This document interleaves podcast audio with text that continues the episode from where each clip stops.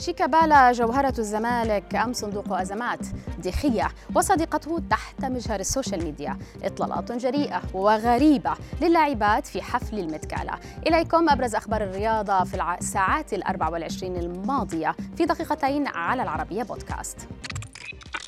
كعادته نجح محمود عبد الرزاق شيكابالا في إثارة الجدل مجددا عبر صورة نشرها في الساعات الأولى من صباح اليوم تجمعه مع موسيماني المدير الفني للأهلي المصري.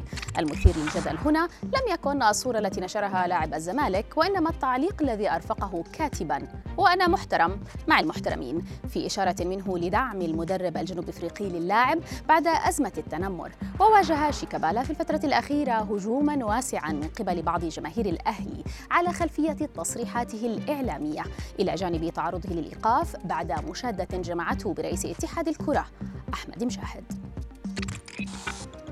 وإلى ديفيد ديخيا حيث عبرت جماهير مانشستر يونايتد الانجليزيه عن سعادتها لإزالة حارسها البرتغالي لصور صديقته المغنيه الشهيره غارسيا والمعروفة باسم إيفي من جميع مواقع التواصل الاجتماعي الخاصة به لانفصالهما عن بعضهما لأسباب قيل إنها تعود لاختلاف في أسلوب الحياة.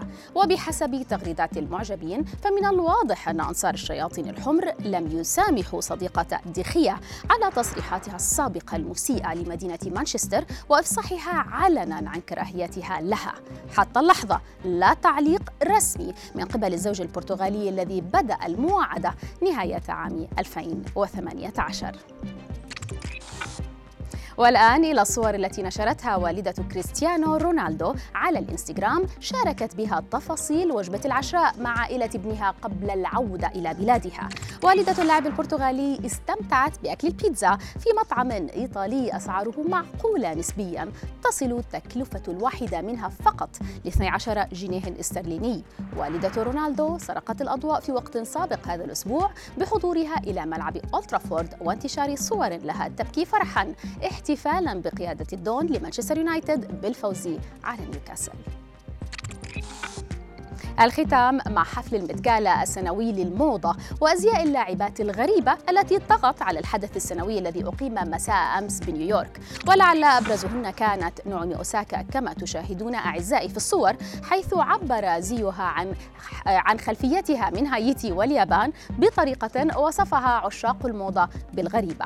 أما عن نظيرتها سيرينا ويليامز فكانت pretty in pink فيما أترك لكم مشاهدي الأعزاء التعليق على إطلالة لاعبة الجمباز الأمريكية بيلز.